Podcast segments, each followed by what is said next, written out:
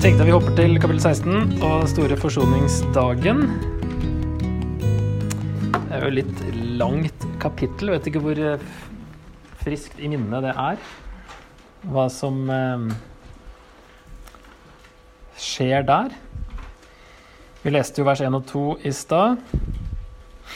Altså Det handler om at eh, ikke til hvilken som helst tid skal gå innenfor forhenget i helligdommen fram til soningsstedet som er lokket på paktskisten, for da må han dø. For jeg viser meg i skyen over soningsstedet. Altså over lokket på paktkista, der, der eh, viste Gud seg. Så står det framgangsmåten da, for eh, Aron og senere øversteprester, hvordan de skal gjøre ting på denne store dagen.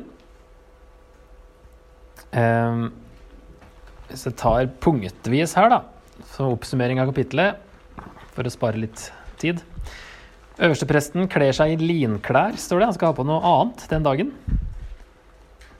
Um, det er jo litt mer sånn ydmyk påkledning. Ikke alt alle de edelstenene og det gullskilt på turbanen og forskjellig. Plutselig skal han ha på seg noe annet. Så det er jo viser at det er noe annerledes enn alle andre dager.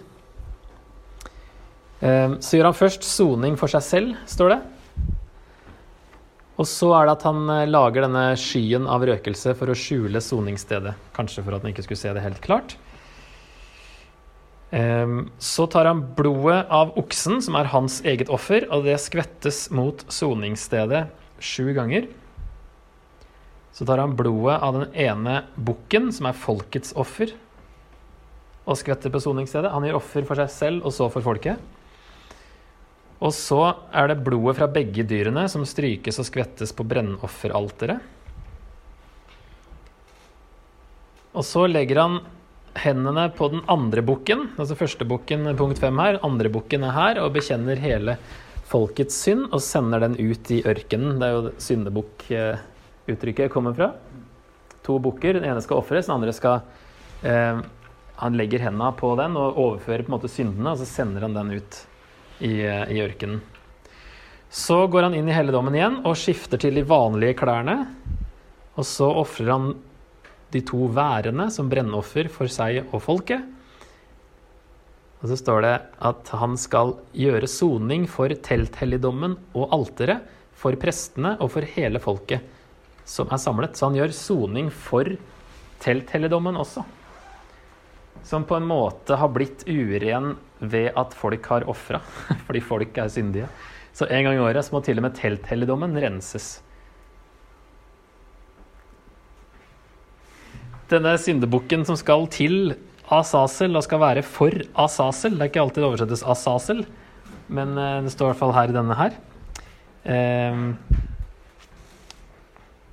eh, vers 10 i hvert fall. Og vers 8. Aron skal kaste lodd om bukkene, ett lodd for Herren og ett for Asasel. Den bukken som loddet for Herren faller på, skal Aron føre fram og lage til som syndoffer, men den bukken som loddet for Asasel faller på, skal stilles levende fram for Herrens ansikt. Ved den skal det gjøres soning når den sendes ut i ørkenen til Asasel. Ja, det er en nøtt, det her, da. Eh, nevnes ikke noen andre steder og har vært eh, diskutert hele veien. Hva er dette for noe? Eh, tradisjonell tolkning er at eh, hebraisk ez og Azel satt sammen, som har med en geit som skal gå bort å gjøre. At det egentlig ikke det er ikke navn på noe annet, men det er navnet på geita. Men så står det at geita er for Asasel og til Asasel, og at geita ikke selv er Asasel. Det er det som er det vanskelige da med den tolkningen, men det er i hvert fall en veldig gammel eh, eh, Men jeg ser noe som har den din, kanskje. Står det, I min så står det ikke altså. Nei, i vers 8 så står det bukken som skal sendes bort. Ja. ja. Nemlig. Så der har de Fordi du ser Det står bukken i parentes. Ja, nemlig. Den bukken som skal sendes bort. Ja. Så i 1988, altså Norsk Bibel sin, i hvert fall så har de da ikke brukt det ordet. Og du ser det både i den greske oversettelsen av GT og i den latinske at de har oversatt det ikke med Asasel, men med bukken som skal sendes bort. Så der har de fulgt den tradisjonen, da. Så det viser jo at det er en nøtt når ikke alle oversetterne gjør det samme. Eh, så kanskje et navn på en satyr, som er et gresk mytologisk vesen, lignende faunen i romersk mytologi, som kanskje er mer kjent fra Narnia og sånt. Eh, en naturdemon som tradisjonelt ligner på en geit. Eh, ble assosiert med ørkenen. Vi har et eksempel i Jesaja 13, eh, 21, der det hebraiske ordet for bukker er oversatt med demoner i det greske GT. Så der har de kobla den at en bukk der ute i ørkenen hadde med en demon å gjøre. Uten at vi vet helt hvor de fikk det fra. Syndene som geita bar, ble sendt tilbake til denne demonen, slik at de kunne bli fjernet fra folket og sendt tilbake dit de kom fra, syndene. Vi har lignende praksis hos andre folk. Vanlig å tenke at ondskap og urenhet må fjernes fra folket med jevne mellomrom. Så da vi skal oppsummere alt det her, så er det kanskje det at Kanskje mest for å gi en visuell representasjon av at synden fjernes. Geita tar syndene bort til et utilgjengelig sted. Begge geitene kalles syndoffer i vers 5, og at de gjør soning i vers 10. Så det er kanskje det beste Altså det er et eller annet med å få syndene bort, da. Som da ordet syndebukk kommer fra. Um, og man må jo ha tro her òg. Man må jo tro på at Gud har sagt at det her funker. Og hvis dere gjør det her, så, så blir det bra. ikke sant? Det er ikke bevis for at uh, det ordna seg, men de må ha tro på at uh, det stemmer, det Gud har sagt. Hvis vi ser litt mer på den der, kapittel 16, så står det da at um, han skal gjøre soning for helligdommen pga. israelittenes urenhet, lovbruddene og alle syndene deres. Slik skal han gjøre med telthelligdommen, som står hos dem midt i deres urenhet. Um, så også da for syndene det har blitt ofret for i løpet av året. Det blitt ofra hele tida, men så skal han gjøre uh, soning for alle syndene deres en gang i året også. Det er ikke bare syndene som har gjort den dagen. Det er syndene for hele forrige år. I tillegg til at de har ofra hele verden. Så Jesus. Eh, hvordan peker dette på Jesus? Eh, I vers 30 og 33 så står det at den dagen skal det gjøres soning for dere, så dere blir helt rene. Dere skal renses fra alle syndene deres for Herrens ansikt. Han skal gjøre soning for det aller helligste. Han skal gjøre soning for for telthelligdommen og alteret, for prestene og for hele folket som er samlet. Så her renses alt, alt så dere blir helt rene. Og han gjør soning, presten her, gjør soning for, for alt. Hele folket, prestene, telthelligdommen, alteret og det aller helligste. Så eh, skal vi jo ha hebreerne torsdag og fredag, men, eh, men vi tar noen vers eh, derfra nå. 10.1-4 står det at loven inneholder bare en skygge av alt det gode som skulle komme, ikke det sanne bildet av tingene. Hvert år bæres det fram offer som stadig er de samme, men med disse makter ikke loven å gjøre dem som ofrer, fullkomne. Ellers hadde de vel holdt opp med å bære fram offer. For hvis de som deltar i gudstjenesten, var blitt renset en gang for alle, ville de ikke lenger ha noen bevissthet om synd. Men ofrene er hvert år en påminning om synd.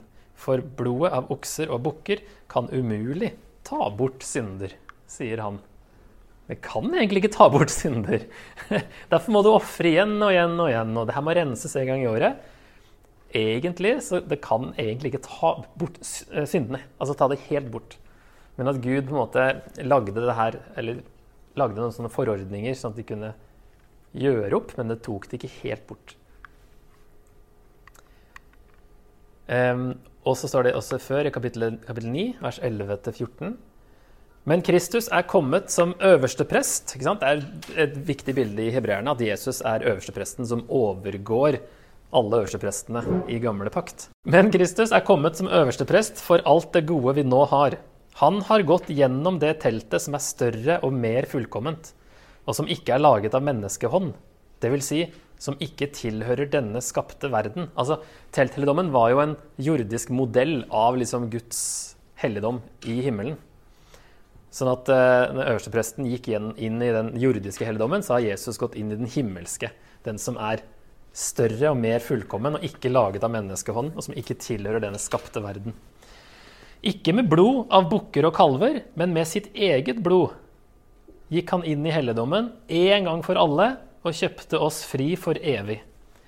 Blodet av bukker og okser og asken av en kvige, det kommer i fjerde Mosebok, gjør hellig og ren i det ytre når det, når det blir stenket på dem som er blitt urene. Hvor mye mer skal ikke da Kristi blod rense samvittigheten vår fra døde gjerninger, så vi kan tjene den levende Gud? Så her gikk Jesus inn med sitt eget blod. ikke sant? Det er hele blodsymbolikken som alt det her peker fram mot. At Jesus gikk inn ikke med blod fra noe dyr, men sitt eget blod. Og Litt senere i kapittel 9, fra vers 24, så står det For Kristus gikk ikke inn i en helligdom som er gjort av menneskehånd, og bare er et bilde av den sanne helligdommen. Han gikk inn i selve himmelen, og nå trer han fram for Guds ansikt for vår skyld. Han gikk heller ikke inn dit for å bære fram seg selv som offer flere ganger, slik øverstepresten år etter år trer inn i helligdommen med blod som ikke er hans eget. I så fall måtte han ha lidd mange ganger, helt fra verdens grunnvoll ble lagt. Men nå har han åpenbart seg en gang for alle ved tidenes ende for å ta bort synden ved sitt offer. Slik alle mennesker må dø én gang og siden komme for dommen, slik er også Kristus ofret én gang for å bære syndene for de mange, og siden skal han for annen gang komme til syne ikke for syndens skyld, men for å frelse dem som venter på ham. Eh, litt mer sammenligning. Øverstepresten måtte bære fram offer først for seg selv, og så for folket, så vi. Jesus er den hellige og fullkomne øversteprest og trenger ikke å gjøre det, står det i Hebreerne 7. Så han trenger ikke gjøre soning for seg selv ofre for seg selv først, for han er feilfri. Øverstepresten gikk inn i helligdommen med blodet fra oksen og bukken har vi akkurat lest. Jesus gikk inn i den himmelske helligdommen med sitt eget blod. Blodet fra bukker og okser gjør hellig og ren i det ytre, sier hebreerne 9. da. Jesu blod renser samvittigheten, som vi leste i stad. Det indre blir rensa. Øverstepresten bar fram feilfrie dyr. Jesus bar seg selv fram som et feilfritt offer. Blodet ble båret inn i helligdommen, men dyrene ble brent opp utenfor leiren. Og så står det i Hebreerne 9,12.: Derfor led også Jesus utenfor porten. Det virker som han lager en link med det òg, at eh, Golgata lå utenfor byporten den gangen. Og at eh, han ser en parallell der med at eh, de her ble brent opp utenfor leiren. Så ble Jesus òg et offer utenfor leiren. Syndebukken bar bort folkets synder. Og så er det en parallell med døperen Johannes, som ser Jesus og sier at eh, Jesus, eller han se der er Guds lam. Da er det lam og ikke en bukk, men likevel at han bærer bort verdens synd. Før så sto det bare at det der er Guds lam som bærer verdens synd, men nå står det i hvert fall i 2011 at han bærer bort. Og det er det samme som bukken gjorde her. Øverstepresten gikk inn i det aller helligste én gang i året. Jesus gikk inn i den himmelske helligdom én gang for alle. Gud viste seg i skyen over soningsstedet, som var lokket på paktkisten. Og så så vi i Romerne 3 at Gud kommer til oss gjennom Jesus, som er det nye soningsstedet. Som Paulus lager den parallellen der i Romerne 3, 25. Derfor, på grunn av alt det Jesus har gjort og oppfylt, alt det her I tredje Mosebok så måtte man gjøre dette her for å kunne komme fram til Gud. Jesus har oppfylt alt det. Derfor står det videre i Hebreerne 10, 19-22. Så har vi da, søsken, frimodighet ved Jesu blod til å gå inn i helligdommen, dit han har innviet en ny og levende vei for oss gjennom forhenget, som er hans kropp.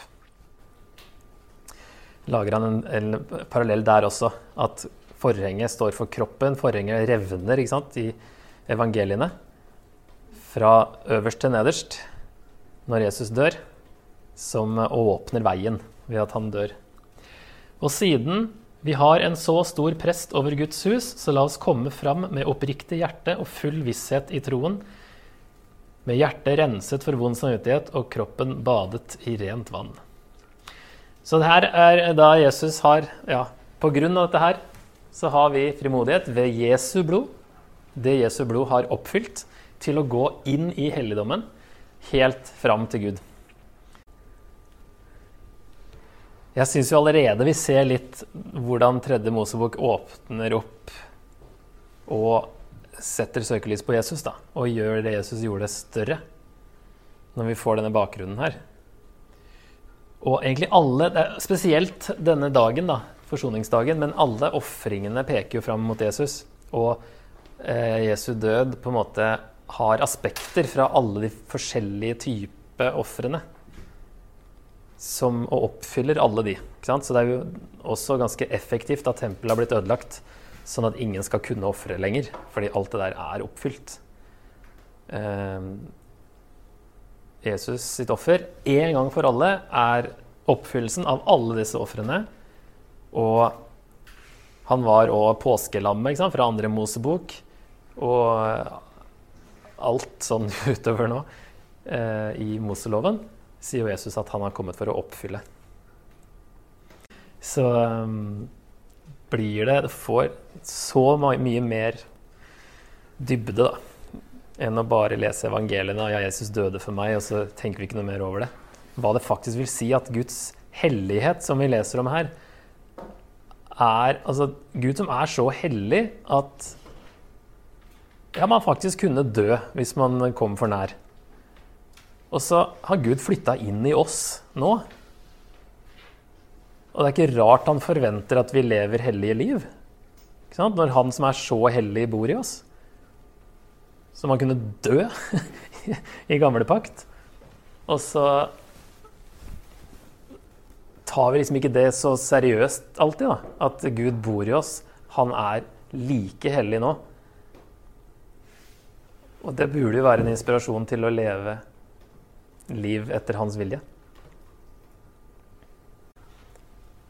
Og så kan vi jo da se for oss at Gud har jo Jesus i tankene hele veien, og at alt det her var starten det å få liksom Israels eh, offerpraksis da, i retning av Jesus, så var det liksom dette med blodet, hvor viktig det var. Og, at, og det var en som sa noe sånt en gang om at eh, med hvert offer som ble gjort da, i den gamle pakt, så var det et behagelig duft for Gud fordi han òg så fram til den dagen Jesus skulle oppfylle alt det her.